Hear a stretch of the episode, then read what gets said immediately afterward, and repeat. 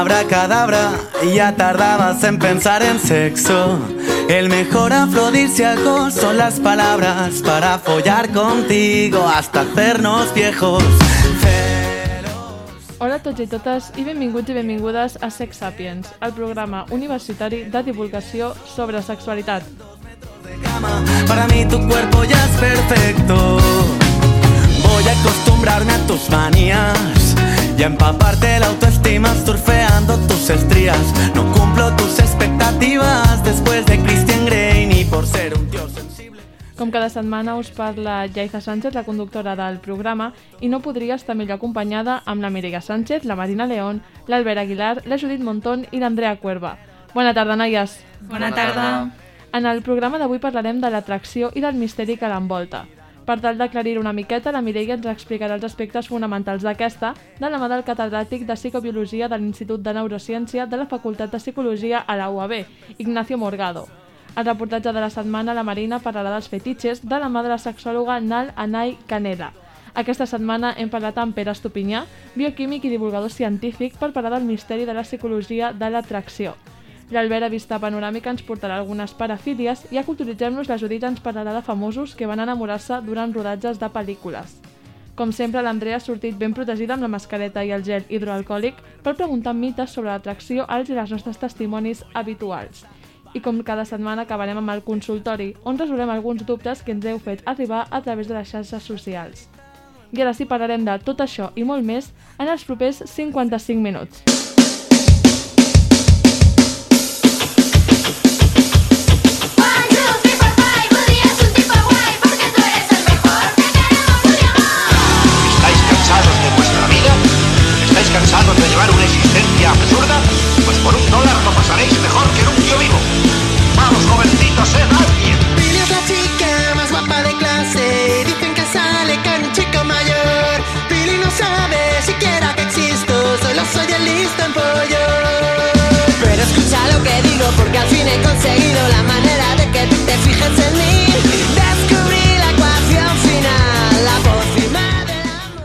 Tant de bo fos tan fàcil com donar una pòssima a qui ens agrada perquè li agradem, oi?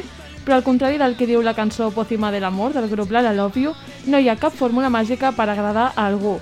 Passa i punt, molt sovint sense que sapiguem el per què. Però el que sí sabem és què passa al cervell quan ens atrau una persona. A grans trets, allibena addiccions químiques com l'adrenalina o la seronotina. Ahora la gente me ve diferente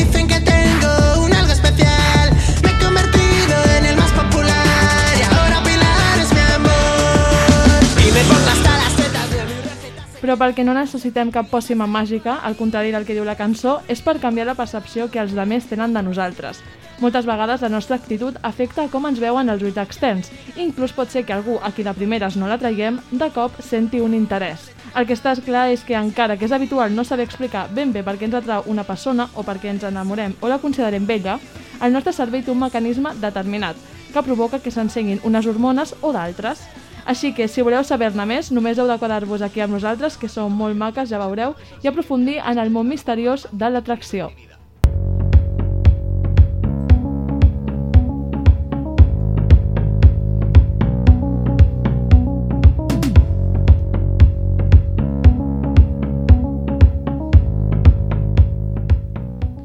Com cada setmana comencem el programa parlant amb la Mireia Sánchez. Bona tarda. Bona tarda. Començarem parlant de l'atracció sexual, que es pot entendre com la capacitat d'una persona d'atraure l'interès sexual i eròtic d'una altra, o com la base del desig sexual. Però què passa al nostre cervell quan algú ens atrau? Per què sentim atracció cap a una persona i no cap a una altra? Doncs per respondre a aquestes preguntes hem parlat amb l'Ignacio Morgado, com ja has dit, catedràtic de Psicobiologia de l'Institut de Neurociència d'aquesta mateixa universitat, i ens ha explicat que la ciència s'ha dedicat a estudiar l'atracció sexual des dels camps de la psicologia i la biologia, una perspectiva que els ha permès descobrir quines són les característiques que motiven aquesta atracció. atracción sexual que está motivada por características diversas de las personas, entre ellas pues el y también la edad i una sèrie de circumstàncies biològiques que estan sota de l'atracció, eh, hormones i, i estat del sistema nerviós, estimulacions ambientals, L'aspecte físic té un paper molt important en l'atracció que sentim pels altres. De fet, en un estudi realitzat per la Universitat d'Osaka, es va arribar a la conclusió que, per considerar que un cos o una cara és atractiva, aquesta ha de ser simètrica i no gaire cridanera. Precisament és des de la biologia i l'evolució l'àmbit des del qual Ignacio Morgado explica per què creu que els humans fugim de la asimetria i ens agraden més les cares simètriques. La simetria està molt més relacionada amb la salut que la asimetria. La simetria pot ser en alguns casos, no sempre, eh, signe d'algun defecte físic, d'alguna patologia, no necessàriament greu, no? d'algun patogen, d'algun... Eh, evolutivament, la simetria ha sortit quan alguna cosa no ha funcionat bé en el desenvolupament. Tanmateix, segons Ignacio Morgado, això no vol dir en cap cas que no ens puguin atraure les persones amb cares o cossos no simètrics. un noi pot ser molt guapo encara que tingui una orella més gran que l'altra o una mica desviada la nariz cap a un costat d'un altre. Llavors els altres factors físics també poden, diguem-ne, encobrir o ser més poderosos a l'hora de, de determinar un atractiu físic que, que una certa asimetria. Clar, jo diria que l'asimetria de, per exemple, d'un rostre, d'una cara, ha de ser molt evident i molt grossa perquè realment et tiri enrere, no?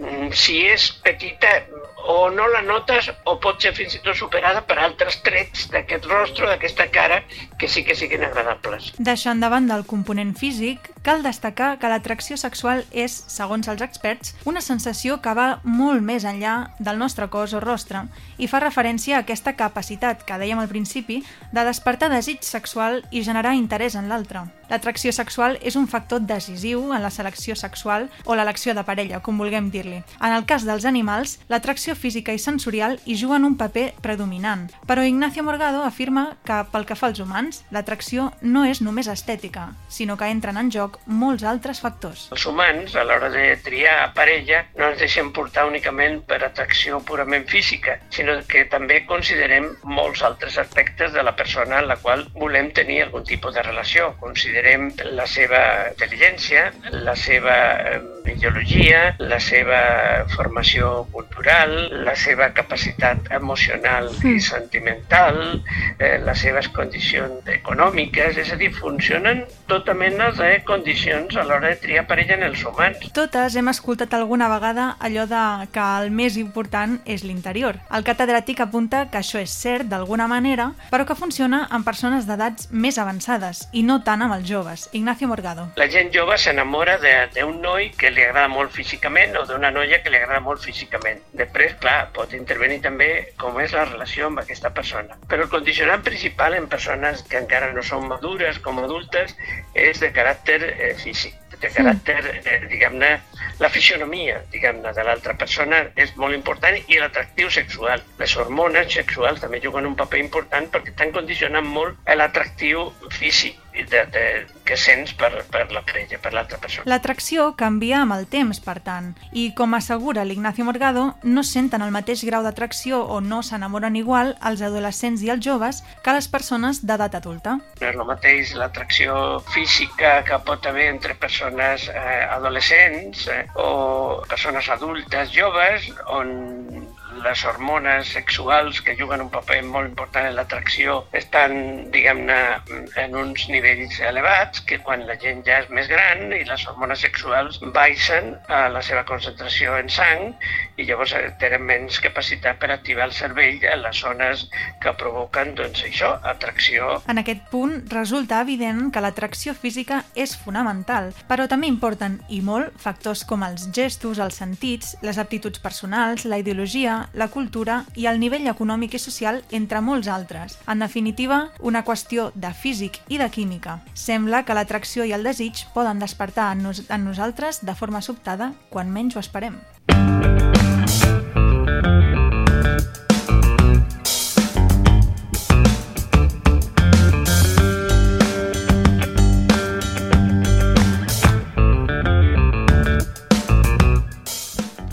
Després d'aquesta primera secció, com cada setmana, passem al reportatge de la setmana de la mà de la Marina León. Bona tarda. Bona tarda, Yaiza. Què ens portes en el programa d'avui? Aquesta setmana us porto els grans desconeguts, els fetitxes. Doncs quan tu vulguis, el micro és tot teu. Per parlar-vos sobre el tema vaig entrevistar la sexòloga Nal Anaí Canela. Nal m'explicava que els fetitxes són desig i excitació sexual sobre un objecte, una pràctica concreta o una part del cos. De fetitxes no podríem dir que n'hi hagi de diferents tipus, però sí que podem dir que n'hi ha moltíssims, ja que qualsevol objecte no sexual que el convertim en sexual, qualsevol pràctica, qualsevol part del cos pot ser-ho. La paraula fetitxe, ara que a vegada dona menys cosa, no? Però com que sempre ha estat una mica demonitzada, per què? Perquè comporta llibertat sexual, comporta sortir de la norma, però al final la majoria tenen fetitxes molt comuns, no? Eh, parts del cos comuns eh, i, i objectes molt fàcils de sexualitzar, com roba interior, sabates, eh, traje en els homes, no? en les persones masculines, moltes coses que al final són tan comuns que la gent no ho entén com un fetitxe perquè es que els fetitxes són coses rares. Els fetitxes són comuns, però es perceben com una cosa estranya, fora de la norma. La sexòloga deia que la culpa la té, com sempre, la falta d'informació que abunda al món de la sexualitat. També el fet d'haver durant anys demonitzat tot allò que no té a veure amb la reproducció o el sexe per raons romàntiques. Els fetitxes que actualment tenim més normalitzats són els pits, els culs o les mans, sobretot quan són masculines, la roba íntima i un que s'ha normalitzat fa poc temps és el fetitxe de peus, segons la sexòloga. Quan vaig escoltar quins eren els fetitxes més populars, vaig pensar, potser tothom en tenim. L'Anal va dir-me que evidentment. Tothom tenim fetitxes. És a dir, en el, en el punt en el que hi ha algú que et desperta un desig sexual i no és en si la persona en general o algú que estàs veient, no? O sigui, que estàs veient un, un acte d'algú sexual, n'estem veient porn, n'estem veient algú que, que ens trobem o estem en un joc sexual amb altres persones, eh, ja, ja, ja té connotació de fetitxe. Eh, I sobretot, si no només és un complement, si realment t'activa molt fortament, no? O sigui, si tu vas pel carrer i a mi jo, per exemple, soc fetitxista en moltes coses, però els caps rapats, no? les nuques rapades, sobretot en, en, en les persones femenines. I veig i dones compte que de cop comences a estar dis, mm, dis, en disposició sexual, no? Sí. Aquí és realment un fetitxe pren força, no? Eh, sempre hi ha un, una avaluació una mica complicada, no?, de si és o no és un fetitxe. bueno, en realitat no és algo que... Passa de ser algo que t'agrada a algo que t'excita per si sol. Els fetitxes són alguna cosa que t'activa sexualment però separant-la de la persona. Si només veient una nuca tu ja t'excites, independentment de qui sigui, o només veient uns pits, o només veient unes sabates o uns peus, és un fetitxe. Tenir fetitxes no és una cosa innata, existeixen fetitxes que els tenim des de sempre i d'altres que els adquirim amb l'experiència. Crec que hi ha de les dues coses, no? Hi ha algú que des de, des de molt jovenets, moltes vegades fins i tot, hi ha coses que abans de sexualitzar-les ja ens atrauen, abans de ser persones sexuals ja ens atrauen, i que després es, tenen aquesta potència quan comencem a sexualitzar-nos, no? I hi ha coses que aprens doncs, perquè potser quan ets, quan ets petit o petita o petite, no? si parlem en neutre, no saps el que és el làtex. No has vist mai làtex, amb la qual no pots saber que és un fetitxe, no? Vull dir, hi ha coses que es desperten com tots els gustos. Al final, eh, quan ets petit eh, no t'agrada alguna cosa i amb els anys després t'agrada molt, no? Llavors, hi haurà coses que són innates i hi haurà coses que no perquè tenen a veure amb el teu descobriment del món i de tu mateix. Potser moltes de vosaltres us pregunteu com ho feia jo després de documentar-me per fer aquest petit reportatge si el BDSM, les sigles de bondage, dominació, submissió i sadomasoquisme és un fetitxe o no. Per mi no ho és. Per mi no és un fetitxe, perquè és si, si equiparem el BDSM com a fetitxe, llavors fer el perrito també és un fetitxe.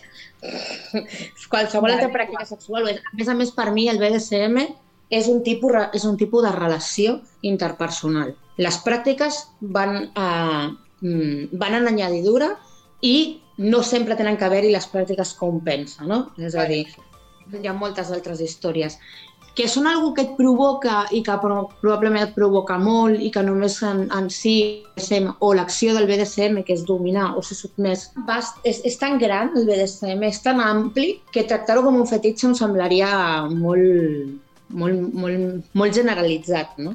El fetitxe el podem veure com un complement de les relacions sexuals, però no ens podem oblidar que hi ha persones que necessiten que aparegui el fetitxe durant l'acte sexual per poder arribar a l'orgasme. Això, em comentava la sexòloga, podria suposar una limitació per a aquella persona. Hi ha persones que ho necessiten i aquí seria el punt d'inflexió on aquesta persona hauria de, de revisar-se perquè té una limitació, com altres persones de tindrien altres coses. És a dir, no és tan estrany tindre una limitació sexual de si no passa certa cosa no m'excito. El que passa que no estaria relacionat amb un fetitxe sinó amb una pràctica concreta perquè ens hem acostumat a fer tal cosa, no? I no ens permetim descobrir. I amb el fetitxe passaria una mica el mateix, no? T'has encasillat amb, amb un fetitxe que t'excita molt i no estàs deixant que la teva ment flueixi i, i que el teu cos connecti amb el que passa, no? Però sí hi ha molta gent que si no hi ha, per exemple, un peu per la relació i una, no? una tensió a un peu, o no hi ha tacons, o no hi ha, no sé, el que sigui, mans grans, no? Eh, no, no s'exciten. També vam parlar de parafílies, uns fetitxes que, a diferència una mica dels que hem parlat fins ara, poden fer mal a terceres persones de forma directa. Quan ja entrem en que l'altra persona no consensua i hi ha un hi ha un punt en el que uns estarien d'acord i jo no ho estic, que ja entra en el tema ètic i moral. Si és ètic o no és ètic, si és moral o no és moral. Pues, el canibalisme, alguns parlen fins i tot del dolor... Jo aquí no soc, jo no soc moral, jo no soc gens moral, vull dir, si a mi m'agrada que, que, em, que encaixalin un tros de carn i me'l treguin i això m'excita, mentre jo ho permeti, jo no estic obligant a ningú a fer res, no? És a dir, és, el meu, és la meva hòstia. De fet, hi ha fetitxes relacionats amb el món de la modificació corporal que, que estarien en aquest àmbit i que molta gent jutja, no? Si voleu saber si teniu un fetitxe, la sexòloga m'explicava que us heu de fixar si per si mateix aquell objecte, part del cos, actitud o activitat us excita independentment d'on estigui, qui la porti o qui sigui aquella persona. Per la sexòloga és important animar les persones a que expliquin el seu fetitxe per tal d'evitar que continuïn sent tabús. Bueno, jo diria que l'únic que animar la gent a que expliqui no, els fetitxes, perquè moltes vegades hi ha una repressió i, i realment són coses que a l'altra persona no, no li importen, no? I, i, I fins i tot la tensió que genera quan tens un fetitxe o quan la teva parella sexual té un fetitxe i, i està que sí que no, que sí que no, se, se genera una incomoditat en la persona que, que no té el fetitxe, aquell fetitxe concret, i que, o que sí té, però que, bueno, que l'altre no l'està expressant, no? I, I pensa que són per altres coses, no? Llavors està bé, expressa el teu fetitxe. Si a aquella persona no li agrada, no, no, no el reprodueixes amb, amb aquesta persona i ja està, i no passa res. Eh, entenc que hi ha fetitxes més complicats, no? Eh, però penso que és important poder-se expressar. Dintre del món del BDSM es veuen moltes coses, perquè al final és una exploració sexual molt més àmplia, i et dones compte de quantes persones no han tingut una bona relació sexual amb parelles seves o s'han perdut moltes relacions per no expressar. I moltes vegades algú és igual, millor jo no tinc un fetitxe amb, jo què sé, amb els tacons, però no, però, però m'agrada veure la meva parella sexual disfrutar amb els meus tacons. A mi me, les, me jo no xuparé els tacons. Però què bé si l'excita, no? Jo, el puc, jo puc ajudar la meva parella sexual a estar molt excitada. Que guai, no? Al món del sexe és imprescindible provar coses noves si ens ve de gust i, sobretot, comunicar-nos amb la nostra parella sexual. Sense comunicació és impossible gaudir de la sexualitat o permetre que l'altre gaudeixi amb tu. Com bé em deia Nal, si la teva parella no pot acceptar i respectar que tens un desig determinat o et fa passar vergonya o qualsevol emoció negativa a l'hora d'expressar-li que tens un fetitxe, aquesta persona probablement no sigui la teva parella sexual idònia. Ella m'explicava que no és el fet de dir que vols fer una pràctica determinada, és el fet de poder expressar-ho i poder obrir-te amb aquella persona. Si no pots fer-ho, aquest no és el teu lloc.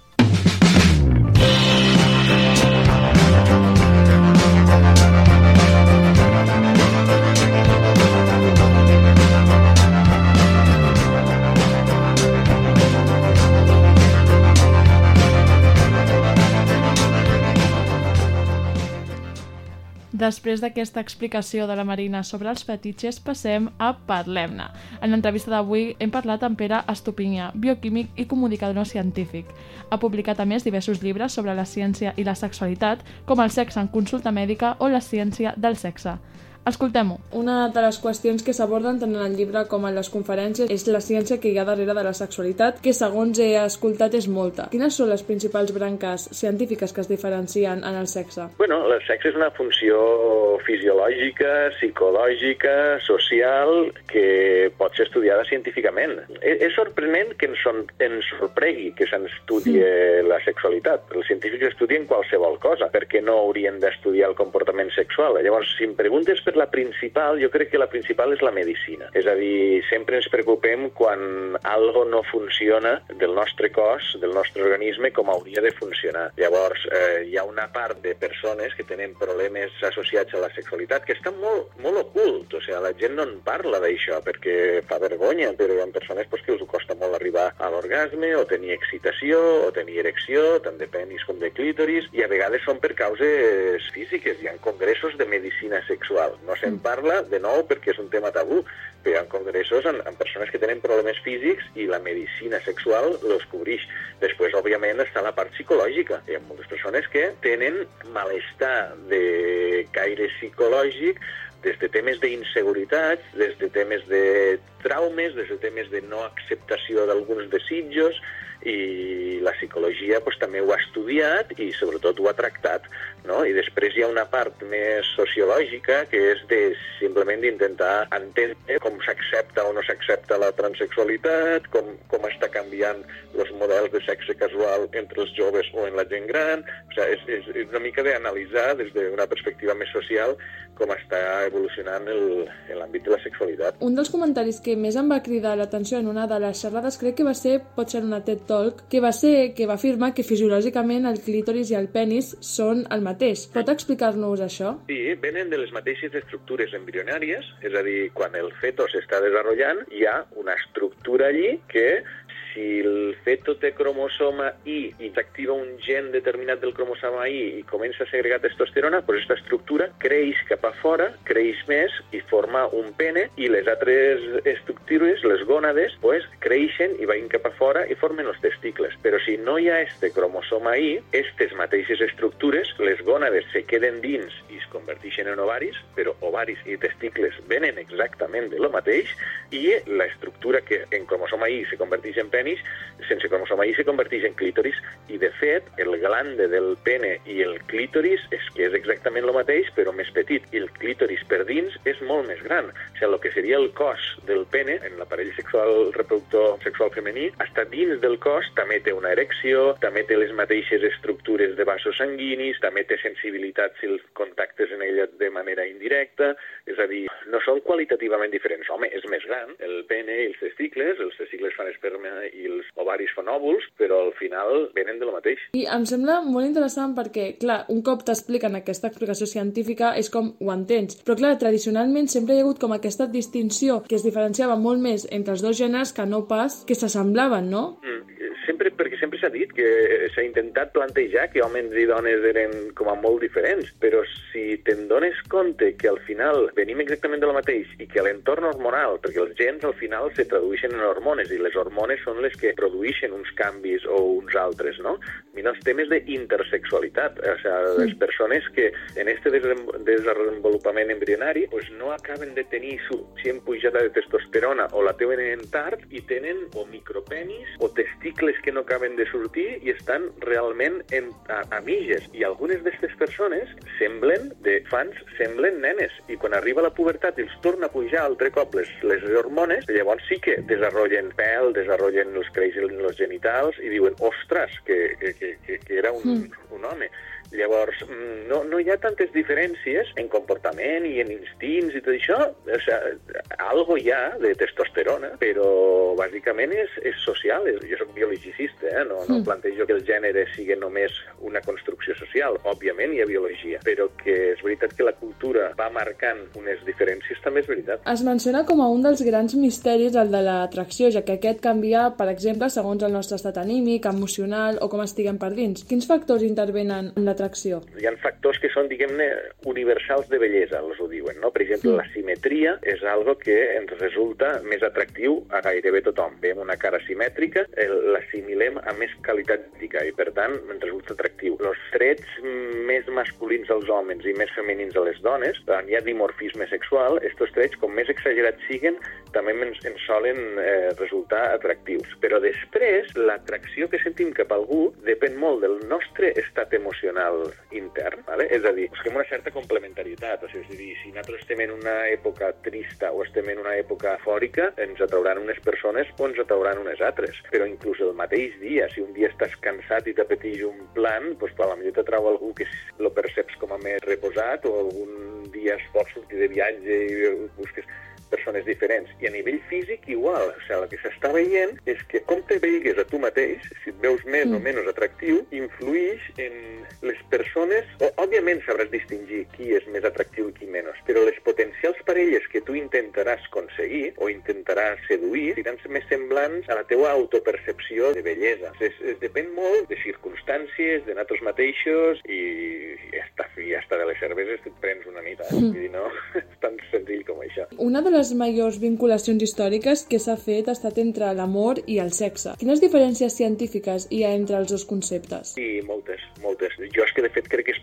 poden separar perfectament. El sexe és un instint que evolutivament ha estat lligat a la reproducció, però que nosaltres pues, hem après que ens dona plaer. I nosaltres no som només primats. O sigui, som primats, però tenim un cervell que ens permet donar-nos compte de que si fem certa activitat pues, tindrem un benefici i un plaer i ho podem disfrutar simplement com a plaer. L'amor és una sensació que no depèn només del moment, depèn de la història, del passat, perquè tu estimes algú pel que has viscut en aquesta persona, perquè, pel que ha significat per a ti, i també per la projecció de futur que fas en aquella persona. És a dir, tu penses a, a, a llarg plaç en, en, en l'amor, estimes algú, sí, perquè l'idealitzes, però també perquè has viscut coses especials, no és un desig al mateix nivell que l'atracció sexual. Òbviament, sí que hi ha una part que estan relacionades, és a dir, quan tu tens molt bon sexe en alguna persona, és possible que per pujades d'oxitocina i, i, per, i perquè realment això ha sigut molt especial, doncs i que sentigues algo semblant a l'enamorament. Però l'enamorament i l'amor romàntic també són com a fases diferents, no? O sigui, l'enamorament sí que és més visceral,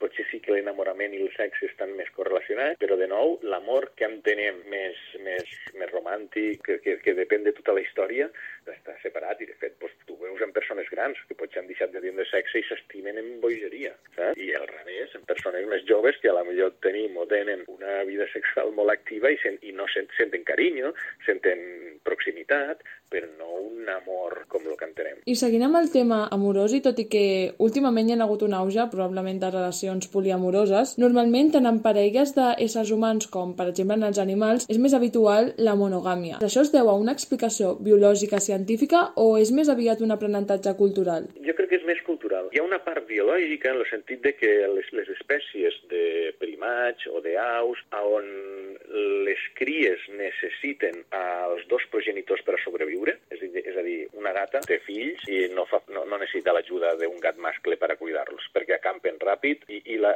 la evolució en els felins pues no ha procurat que hi hagi monogàmia. En canvi, en altres espècies, les aus, sobretot, perquè si una va buscar menjar, l'altra està protegint el pollet, i en els primats, perquè tardem bastant, els, o els humans sobretot, a ser independents, els nadons, llavors aquí sí que l'evolució ha fet la trampa de provocar la monogàmia. En aquest sentit sí que tenim algo biològic que ens força a ser una mica monògams des de la perspectiva social, però no monògam sexual. És a dir, sí que volem formar parelles, però sentir desig sexual ho sentim cap a moltes altres persones del gènere diferent o, o, o el mateix gènere. És a dir, és una monogàmia només social i només pràctica per a cuidar les cries. La, la fidelitat sí que és exclusivament cultural. No hi ha cap espècie que sigui fidel. Diu, sí, hi ha, alguns, hi ha algun, algunes aus que tenen parelles estables tota la vida. Sí, tenen parelles estables tota la vida, però són infidels. ¿vale? Sí. És a dir, si troben l'oportunitat Sí. de unos mejores genes, lo hacen. És a dir, la fidelitat és totalment cultural. Doncs acabem ja l'entrevista. Moltes gràcies. No, moltes gràcies a tu. Ha sigut un plaer poder parlar sobre, sobre la ciència.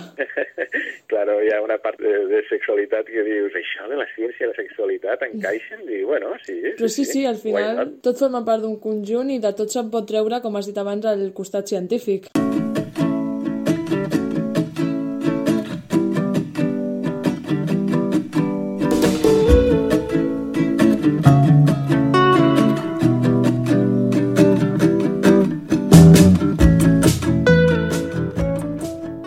Després d'aquesta entrevista amb Pere Estupinyà, passem a la secció de Vista Panoràmica. Bona tarda, Albert. Bona tarda, Iaiza. Què ens portes en el programa d'avui? Doncs avui us parlo de parafílies. Concretament, el terme ursusagalamatofilia fa referència a l'excitació sexual per les joguines de peluix o per persones disfressades amb vestit d'animal. Ossos, tigres, gossos, gats... Aquesta parafília rep altres noms com plusfofilia o peluixofilia. Mentre que a algunes persones els agrada mantenir relacions íntimes vestits amb disfresses d'animals, a uns altres els produeix excitació masturbar-se amb ninots de peluix. És una parafília que no és molt coneguda i, excepte diagnòstic clínic que confirmi que és un trastorn que necessita un tractament específic, es tracta d'una pràctica sexual inofensiva, que no té res a veure amb la zoofilia, copular amb animals, sinó que més aviat consisteix a fantasiar eròticament amb persones caracteritzades o disfressades d'animals o excitar-se amb ninots de peluix.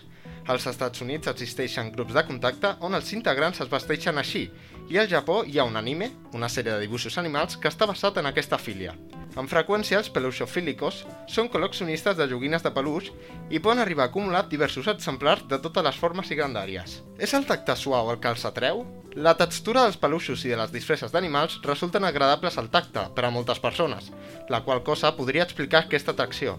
Encara que també aquesta combinació entre la dolçor que transmeten i la morbositat sexual podria estar darrere d'aquest interès. Sobre l'origen d'aquesta mena de parafília, el psicòleg Martin Seligman afirma que la majoria de parafílies i fetichismes sorgeixen en la infància per un condicionament clàssic, com a resultat d'un moment d'excitació o plaer aconseguit a través d'un objecte determinat associat a ell, la qual cosa fa que sorgeixi l'objecte fetitxe. No obstant això, perquè arribi a convertir-se en una filia, és necessari que el plaer vinculat a l'objecte es produeixi més d'una vegada, ja que es requereixen més d'una exposició per associar dos estímuls. Jo volia saber, noies, si alguna vegada havíeu escoltat aquesta filia, aquesta parafília sobre els ossos de peluix. Mai. No, la veritat és que no. I eh, em dóna una mica de... O sigui, cada persona, però em sembla com, no sé, cringe, una mica, la veritat. Una és com mica. que... mm, Sí. No sé, aquesta gent s'ho deu passar superbé a Carnaval. No? Sí. O sigui, No, però és que a més és, un, és una joguina bastant infantil, no? És que Sí. dona una mica de mal rotllo. És que és això, o sigui, jo crec que és algo que associem tant a la infantesa, Sí. que és com, ah, saps? Que et dona jo, aquesta... jo crec que et dona una mica de cringe a tu, Sí. Iaiza, perquè és el que dius, no? O sigui, com que estàs relacionat tant amb la infantesa i amb els nens i amb, amb la vida més innocent, ho mirem com que estan molt anclats a aquest col·lectiu. Sí. Sí, jo crec que és això. O sigui, a mi no, no sé. Bueno, el prejudici, eh? Perquè potser... Clar, exacte, són els No prejudicis. té res a veure, però... Sí, no al final- Sí. Trobo que és, és, un, és una filia especial, si més no. Sí. Bueno, jo la veritat és que no, no tinc aquesta filia, la veritat, però, però no Cada sé, uno. potser pel tacte, no sé, hi ha poques persones, jo crec que no, no els agrada el tacte d'un os de peluix, no? Això és veritat. penseu? Pot ser. Clar, També moltes sí, persones està- veuen un os de peluix com una cosa dolça, el que he dit, no? Que potser, doncs, amb el tacte i amb aquesta relació de dolçor podríem dir que, bueno, Clar. neix aquesta filia. Suposo que algú dolç et pot excitar, però sí, és que és el que ha dit la Judit, jo crec que és el desconeixement, perquè al final sí que és veritat que si estàs a casa amb els pa... en plan, no fas mal a ningú directament, o sigui que no hi ha res de dolent. No, clar, però clar. clar, és el que ha dit l'Andrea, jo ho associo una mica a la infantesa i és com, com que me chirria. Sí. Clar. Jo abans d'acabar el ver vull romper una lanza a tu favor per les paraules difícils que has pronunciat avui a la primera, que jo, vamos, no la Clar, vull ni provar. La, la nom- primera, Ursusa... Bueno. El Quería nom romper tècnic la és lanza. ursusagalamatofilia. Bueno, dos veces.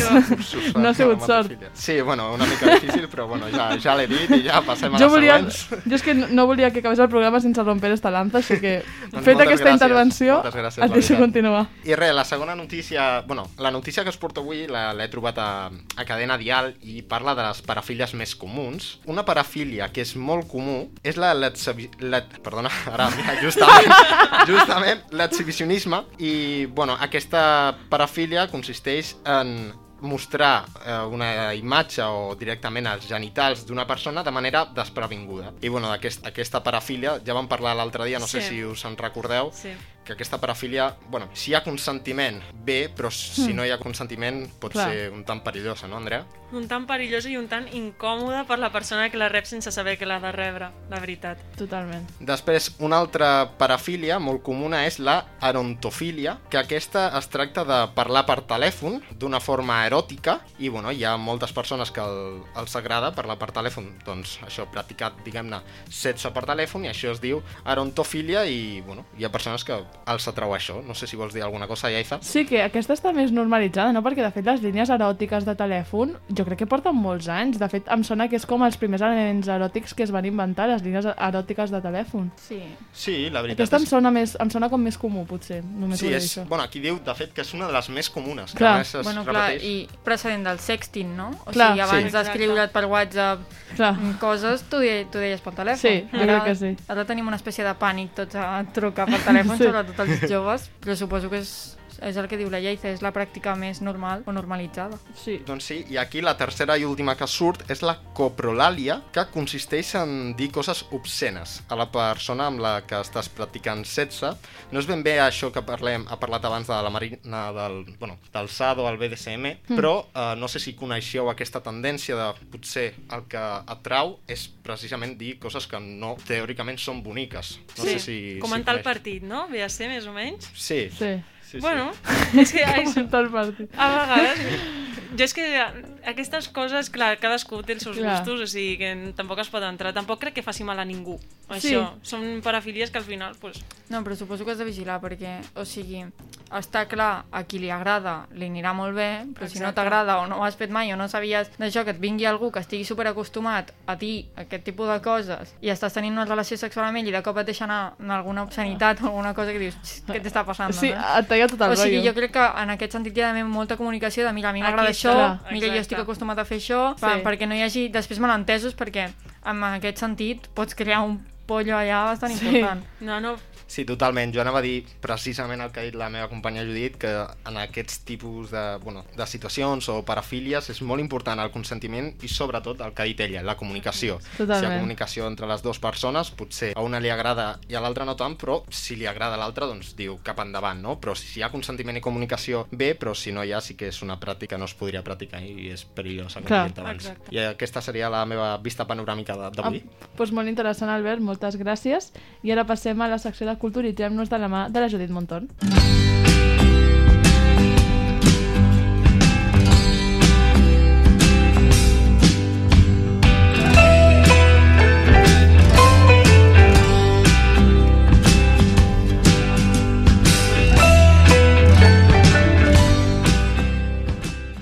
Bona tarda, Judit. Bona tarda. Quins portes en el programa d'avui? Avui us porto famosos que s'han enamorat o que s'han ajuntat gràcies al rodatge d'una pel·lícula o una sèrie. Perfecte, doncs quan tu vulguis. Comencem pel Ben Affleck i la Jennifer López, que es van conèixer a Gigli el 2002 i tenien el, el xipeo de Benifer. S'anaven a casar el 2003, però la relació es va acabar abans i es diu que va ser per l'excessiva atenció de la premsa. Després tenim els, vamos, el mite de les parelles, que és el Brad Pitt i l'Angelina Jolie, Sí. que es van conèixer a Senyor i senyora Smith el 2005 amb el xipeo Brangelina i van estar junts fins al 2016 i ja, en tots aquests anys doncs, van tenir sis fills. Una separació que encara sona i que ha tingut molta cua. En tercer lloc tenim Mila Kunis i Aston Kutcher, que es van conèixer en Aquellos maravillosos 70, el 1998, i es van separar professionalment el 2005, quan ell va deixar la sèrie, i el 2011 van deixar les seves respectives parelles per estar junts, i encara ho estan. Una altra parella que encara segueix unida és el Ryan Reynolds i la Blake Lively, que es van conèixer el 2011 a l'Interna Verde, i la parella té tres fills i gràcies al seu talent i a l'humor que els caracteritza són una de les parelles preferides de Hollywood. Sí, Quina és la és- vostra? Buf, jo és que la meva parella preferida és Mila Kunis i Aston Kutcher. És que jo els estimo els dos tant, i em, és que fa una parella tan maca, i a part la sèrie és com preciós, és la meva parella preferida, la veritat. Jo la meva no l'has dit, eh? O sigui, a veure, sí l'has dit perquè jo era molt, molt fan de Brangelina, que la veritat, quan ho van deixar... El... Que drama. Sí, tot el drama que va sortir després de dins em va fer sentir com que realment no coneixes una parella, o sigui, tu pots ser molt fan d'aquella parella i no tenir ni idea del que està passant dins. Clar, perquè és molt mediàtic i coneixes una part Exacte. molt, molt, molt, molt, molt petita. Clar. Exacte. Per molt que te la repeteixin mil cops, aquella part és minúscula amb tot el que hi ha darrere. Totalment. I a part que, com també se sol idealitzar els propis, com són persones mediàtiques i actors, és com que tens idealitzada la relació i els actors, que és com Exacte. que tot està superidealitzat. I jo sóc la primera que mira quan ja està un Kutcher, pues si trenquen, mi panzona a llorar me lo llevaré. Però clar, és que és això, que els tenim molt idealitzat. Sí. I tu, Albert, alguna A mi parella... també, la Mila i l'Aston també m'agraden molt. Sí, Sí. també m'agradava la sèrie i, i bueno, també si, si trenquen doncs serà, bueno, estarà Home, de salut. jo he de dir que eh, una parella que a mi m'agradava molt i que no l'has dit perquè no estan junts era eh, Brad Pitt i Jennifer Aniston. Buah, Molt top. Molt, molt, Molt top. top. A mi esta, esta pareja, jo és que era molt... Bueno, eren petits, no?, quan van trencar. Sí, jo crec sí, que... sí, eren fa molts anys No, o sigui, no vaig relacionar, però quan em vaig enterar que ben estan junts, és que ho entenc, saps? És la típica parella que veus i dius quadra, Bueno, però van a mi em passa una mica això amb la Blake Lively i el Lea Ah. Leonardo DiCaprio. Una fantasia de Ostres. parella, o sigui, una fantasia. Ja, pues, no me'ls imagino, eh? O sigui, me'ls imagino en plan que no ho hagués dit mai, però sí que peguen un muntó. Sí. I de parelles de ficció? Uh, Ostres! els típics xip xipeos hi ha bastants, eh? Quina dieu? Va, una cada un. Jo, la meva preferida, i crec que l'Albert estarà d'acord amb mi, perquè és una... Jo crec que a ell li agrada molt aquesta sèrie. Digue-la tu, va, te doy. No saps què... no em pensava que sí. Bueno, jo crec que quan la digui ho sabràs. Eh, la, el Castle i la Beckett, Ah, per mi, hòstia. o sigui, és una Hòstia, parella... És molt top, eh? Sí. No, Pues a mi tot el contrari, eh? no hi havia pensat Oh! gens. És que saps què passa? Jo em vaig desen... No, no, no, jo em vaig desencantar amb aquesta parella perquè jo era fan i em vaig desencantar en el moment en que vaig saber que a ella li queia malament ell. És que jo saps, jo tinc una teoria, la puc compartir aquí en directe. Jo crec, perquè jo veo la sèrie i jo crec que la connexió era real. O sigui, jo crec que era verdad. I jo crec que es va el dia i va acabar malament. És mi teoria, Mm, nada ser. confirmada i, i nada oficial. Bastant turbio, eh? Perquè Sí, després... jo crec que, que no té sé. tota la lògica, eh? En plan, Sí. perquè a la sèrie es veu molt com el procés, s'estan coneixent, ara Clar. comença a haver-hi ahir el tonteo, el no sé Sí. què, el brillo als ulls, i després de cop, a la, mierda. Sí, però a mi aquesta parella uf, m'encantava. També la típica del Pol i el- el Bruno, vaig ser molt fan. Oh, Sí. és Vaig ser molt Sí, fan. això és veritat. Bueno, ja està? Todo dicho con Sí, esos sí, dos sí. nombres. I vosaltres teniu alguna? Ai, és que jo ara no caic, eh? Buah, Ai, és que és molt, molt complicat, eh? Jo Així tinc una que crec que a la Eza també li agrada, per Veràs. cert, que era d'una sèrie espanyola, que també podríem dir policiaca, que es deia Los misterios de Laura. No sé Ai, si, si. Hola! Ah, jo no l'he vist. A mi el My personatge feelings. de la Laura i el Martín m'agrada molt la, la parella i... Bring back los misterios de Laura y dame un final a esa relación. A Desde los també, ocho no? años pidiendo un final. Sí, m'encantava. Superfan. Però és que, no, no, però que està a la meva imaginació, eh, que van estar junts, o sigui, nada, ni un, nada, nada, ni un contacto, nada. però que jo crec que tot Espanya ho demanava. Sí. Jo crec que sí. Jo sí, sí, no, mai van estar junts. Hombre, bona, espera, espera, espera, no hem parlat del Roc i la Patipla. Oh! Oh, a mi no I ara m'agrada. ha tornat, a mi sí, i ara A mi tornat m'agrada, al A mi no. Jo és Sí. que soc, jo soc, jo soc del tomàtic. Ho sento. Ah, Jo soc de Super 3. Sí. No, a mi m'agradava aquesta sí, sí. parella, a mi m'agradava. A mi també, la veritat. Quan cantaven cançons, no Sí. sé, el xipejava. Sí. I ara amb el tema del Tot Super 3, ha, ha tornat sí, com una mica. Sí. I hi ha hagut un, una mica de rebombori, de si Sí. estan realment junts, si no... Sí, sí, sí. Ojalà, en mi mente sí. Ja, però mi bueno. mente també. Bueno, ha quedat, ha quedat clar amb tot això que la, la Lleida és una romàntica sí, empedernida Confieso. de manual. Sí, no, no, la veritat és que sí, però bueno. Moltes Bueno, gràcies. I amb a- això acabem. Sí, pues moltes gràcies, Edith, per aquesta secció tan divertida i que no està al cotigueo, que a mi m'agrada. Així que una vegada hem fet aquesta secció, passem a les veus del carrer.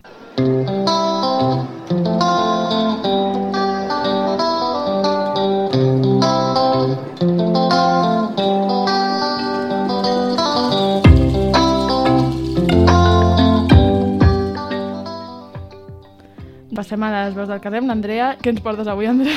Doncs avui us porto aquests típics clichés que sempre ens han escoltat, però demostrats científicament. Perfecte, doncs quan tu vulguis el micro és teu. Doncs avui hem parlat moltíssim sobre com funciona l'atracció sexual i de quines maneres actua segons la persona. Molts de nosaltres hem escoltat moltes vegades aquestes típiques frases de a les noies ens encanten els homes tatuats, de llançaria vermella és infal·lible pels homes, de festa estem molts més receptius que en altres ambients... Doncs avui us porto evidències científiques que demostren si aquests clichés que tots i totes hem escoltat són veritat o no.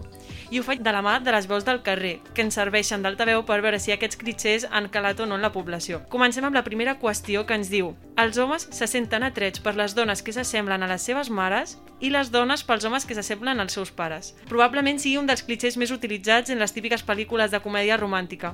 Però què en pensen les veus del carrer? Jo crec que no. Els homes no se senten atrets per dones que s'assemblen a les seves mares, igual que les dones no no se senten atrets per homes que s'assemblen als seus pares. Turbio, però cert. Ah, la veritat és que jo crec que depèn molt de la persona i de la relació que tinguin amb els teus pares. Yo creo que no. Yo diría que sí, pero matizando. Què en penseu per aquí a l'estudi? Jo em quedo amb l'última. Jo diria que sí, però matizando. Jo crec que va molt de la mà amb aquesta gent que té de parella una persona que se li assembla molt. Que tu els veus pel carrer i dius, aquests dos són germans, i de cop es fan un petó i penses, "Ih, Vaya. què està passant? Sí. Saps? O sigui, Molt real. jo crec que va en la línia d'això una mica. Jo crec que sí. És que jo, en el meu cas, jo crec que la meva parella i el meu pare s'assembla una mica. Però jo Ostres. crec que matizando. Jo crec que sí. Sí, jo també penso que sí, però amb matisos.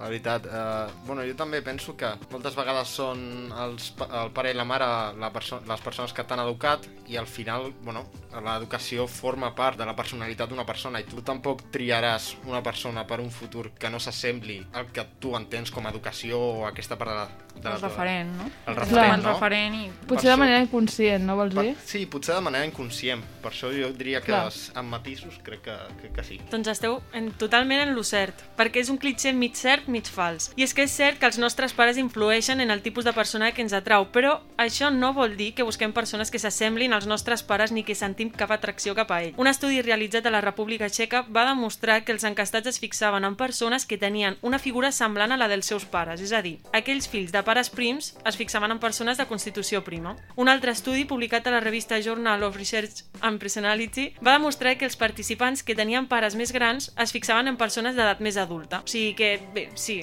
podríem dir que heu acertat. Una mica com a 50 sombres de Grey, Sí. que el Christian busca tot de bueno, sumisses que s'assemblin a la que era la seva mare biològica. Exacte. Ah. I és cert que aquí hem parlat bastant de físic, però és el que diu l'Albert, o sigui, tu pots fixar-te perfectament en una persona que té uns ideals semblants als que t'han inculcat Clar. per part dels pares o... Sí, Totalment sí, sí, hi ha cert. molts factors. Doncs continuem amb el següent clitxer, menys escoltat però no per això menys important.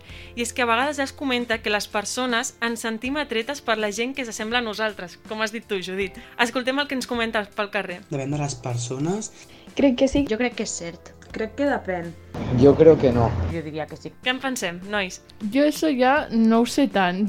Jo, en el meu cas, crec que no. Fixo persones que s'assemblen a mi. Potser complementàries sí, però jo crec que jo no. No sé vosaltres què en penseu. Depèn. És que no li vull desmuntar tots els clitxers a, a l'Andrea, però el de los polos opuestos s'atraen, o sigui, és com una mica Clar. un conjunt de totes aquestes coses, no? O sigui, entre una persona que no pot ser molt diferent a tu, perquè si tu ets una persona que t'agrada, doncs, jo que sé, anar a la muntanya, anar a concert, no sé què, no estaràs, o Sí, és cert que costa pa- molt estar amb una més- persona que està tot el dia al sofà, que dius, tio, muévete, saps? Fes algo. Clar. És com... Però parlem més de físic.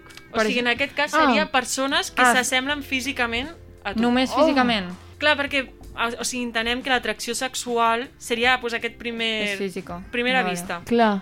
Pot ser, aleshores, perquè Doncs jo sí que... No, jo en el meu cas. Pot ser. Sí, pot Jo- ser, eh? En general, jo no descarto, igual que Clar. l'altre, sí, amb matisos, en el meu cas no. Jo crec que depèn. No crec que hi hagi una regla universal. A vegades s'assemblarà i a vegades no, crec. La veritat. Vale, doncs hem de dir que sí, que també és, és cert. Durant un estudi de l'Escola de Psicologia de la Universitat de Sant Andrés es va demanar a un grup d'homes i de dones que avaluessin l'atractiu de diverses cares. Entre aquestes cares es va introduir una imatge d'ells mateixos però modificada digitalment per a que semblés del sexe oposat. Finalment, aquestes cares van resultar ser les més valorades. A més, l'experta en sexualitat Sandy Weiner explica que les persones més similars tenen relacions més exitoses. Que top.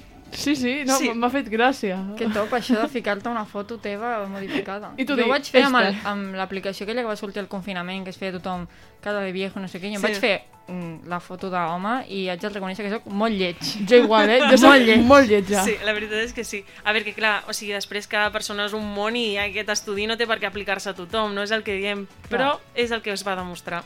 Les persones ens semblen més atractives quan bevem alcohol. Aquest tercer clitxer és també un dels més comentats, sobretot entre els joves. El, el tema que parlem de quan estic de festa estic més, res, més receptiu. Però realment és cert o és fals? Més atractives no, però sí que podem ser més llançats. Eh, crec que no. Sí, vertader. L'alcohol altera una miqueta la percepció i doncs sí que es pot donar el cas que vegis persones més atractives. No creo que las veamos más atractivas, simplemente es que nosotros estamos más activos. No creo que el alcohol nos haga ver atrac- más atractivo a otra persona. Què en penseu vosaltres? Jo crec que no és que et faci veure els més atractius, sinó que t'és igual que no siguin tant.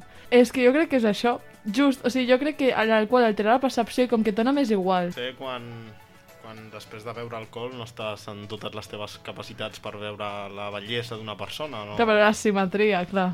Ja. No, no ho sé, imagino que potser és jo alguna crec, cosa d'això, no? Sí, jo crec que és això, jo crec que no t'importa tant. Doncs esteu totalment en lo correcte. És el que va demostrar un estudi realitzat per la Universitat de Roehampton a Londres que va concloure que després de consumir alcohol les persones tenien menys capacitat per detectar rostres asimètrics, que és un dels aspectes que es té molt en compte a l'hora de valorar si algú ens sembla o no atractiu. Es va fer un sondeig entre joves sobris i d'altres ebris. Se'ls va ensenyar imatges de rostres simètrics i d'altres subtilment asimètrics. I els joves que no havien consumit alcohol van preferir les cares simètriques i les detectaven molt més fàcil que aquells que sí que n'havien consumit. O sigui que seria més o menys això. Quan estem de festa doncs estem una miqueta més despistats. Mm. Sí. I per últim, l'últim clitxer potser no tan estès, però crec que és un dubte bastant estès entre les persones menstruants. La menstruació influeix en l'atracció sexual? Les veus del carrer diuen això. Jo diria que no. Jo diria que fals. Cert, m'inclinaria més per que sigui cert. Diré que falso. No pienso que la menstruación influya. Què en penseu? Ah, jo l'hem espillat.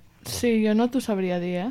Jo et diria que en l'atracció sexual com a tal no, però en el desig sexual potser sí. És que has donat just en el clau, Judit. o sigui, tots aquests estudis els ha fet la Judit o alguna cosa. Ella en totes les universitats del món. Exacte. És així, és pràcticament així. Un estudi realitzat pel doctor Jean-Claude Dreger explica que les persones menstruants tendeixen a augmentar la disponibilitat, receptivitat i desig durant l'època d'ovulació, l'etapa fèrtil del cicle menstrual, per afavorir la procreació. O sigui, que estaríem parlant d'un aspecte totalment mm, biològic i, i genètic. Sembla bastant curiós com funciona el cos d'una persona a vegades, perquè sembla més intel·ligent inclús que nosaltres. Pues sí, aquestes coses sí. Doncs crec que aquest era l'últim clitxer. Sí. Doncs moltíssimes gràcies perquè crec que tots hem après molt. Així que ara, un cop hem fet les veus del carrer, passem a l'última secció, que és el consultori.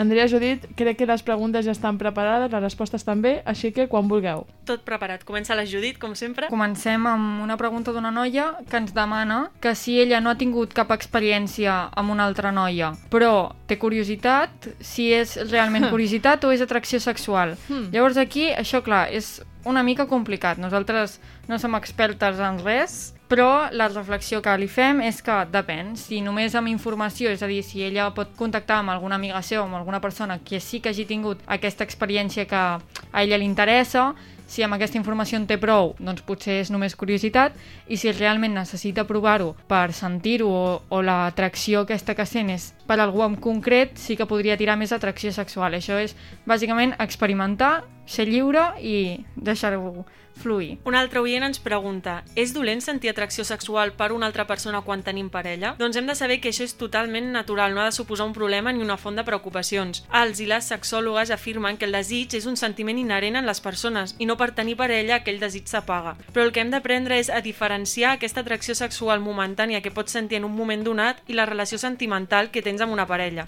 Són dos aspectes que funcionen per separat i que tenen moltes diferències. A vegades aquesta por a perdre la nostra parella és el que ens fa veure que tenir atracció per altres persones és dolent, però s'hauria de naturalitzar molt més per veure que a qualsevol persona li pot passar i no per això deixaries una relació sentimental ni de parella. A la tercera pregunta tenim que per què les relacions poliamoroses estan mal vistes. Bàsicament, la monogàmia és com el model tradicional i tot el que surti d'aquí està mal vist. A més a més, seguint aquest model de la monogàmia, tot el que se sortia d'aquí s'ha catalogat d'infidelitat. Llavors ara, si et sents atret per dues persones, ja, ui, si li poses els cuernos a la teva parella o tens atracció sexual per algú altre, ja estàs sent infidel i tal. Llavors, jo crec que això és per, bàsicament, un model tradicional, unes creences socials que han de canviar completament perquè cadascú és lliure de viure la seva sexualitat com vulgui i el seu amor com vulgui. Llavors, és molt important la comunicació de dir, mira, pues, jo sóc una persona que, el que deia l'Andrea, no? si tens una relació sentimental amb algú però et sents atret per l'altre i en consens esteu d'acord en què les dues persones tingueu relacions sexuals externes us sentiu atretes per més persones, endavant. També ens han preguntat el següent. Per què creieu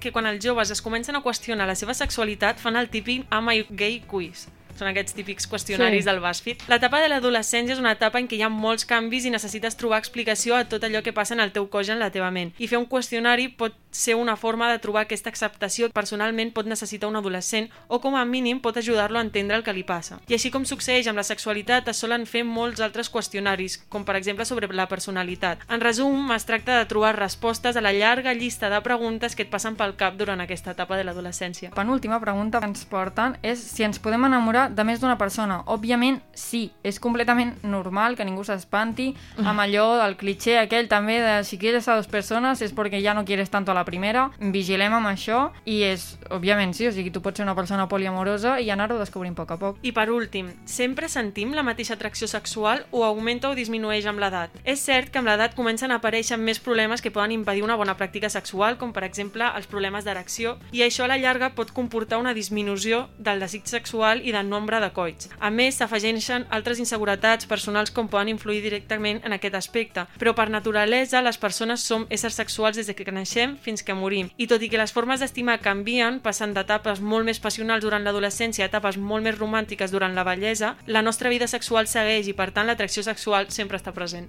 Perfecte, doncs un cop hem respost aquestes preguntes acabem el programa. Moltes gràcies a totes, noies, i us recordem als nostres oients que ens podeu seguir a les nostres xarxes socials arroba sexsapiens.cm a l'Instagram i a Twitter sapienssex.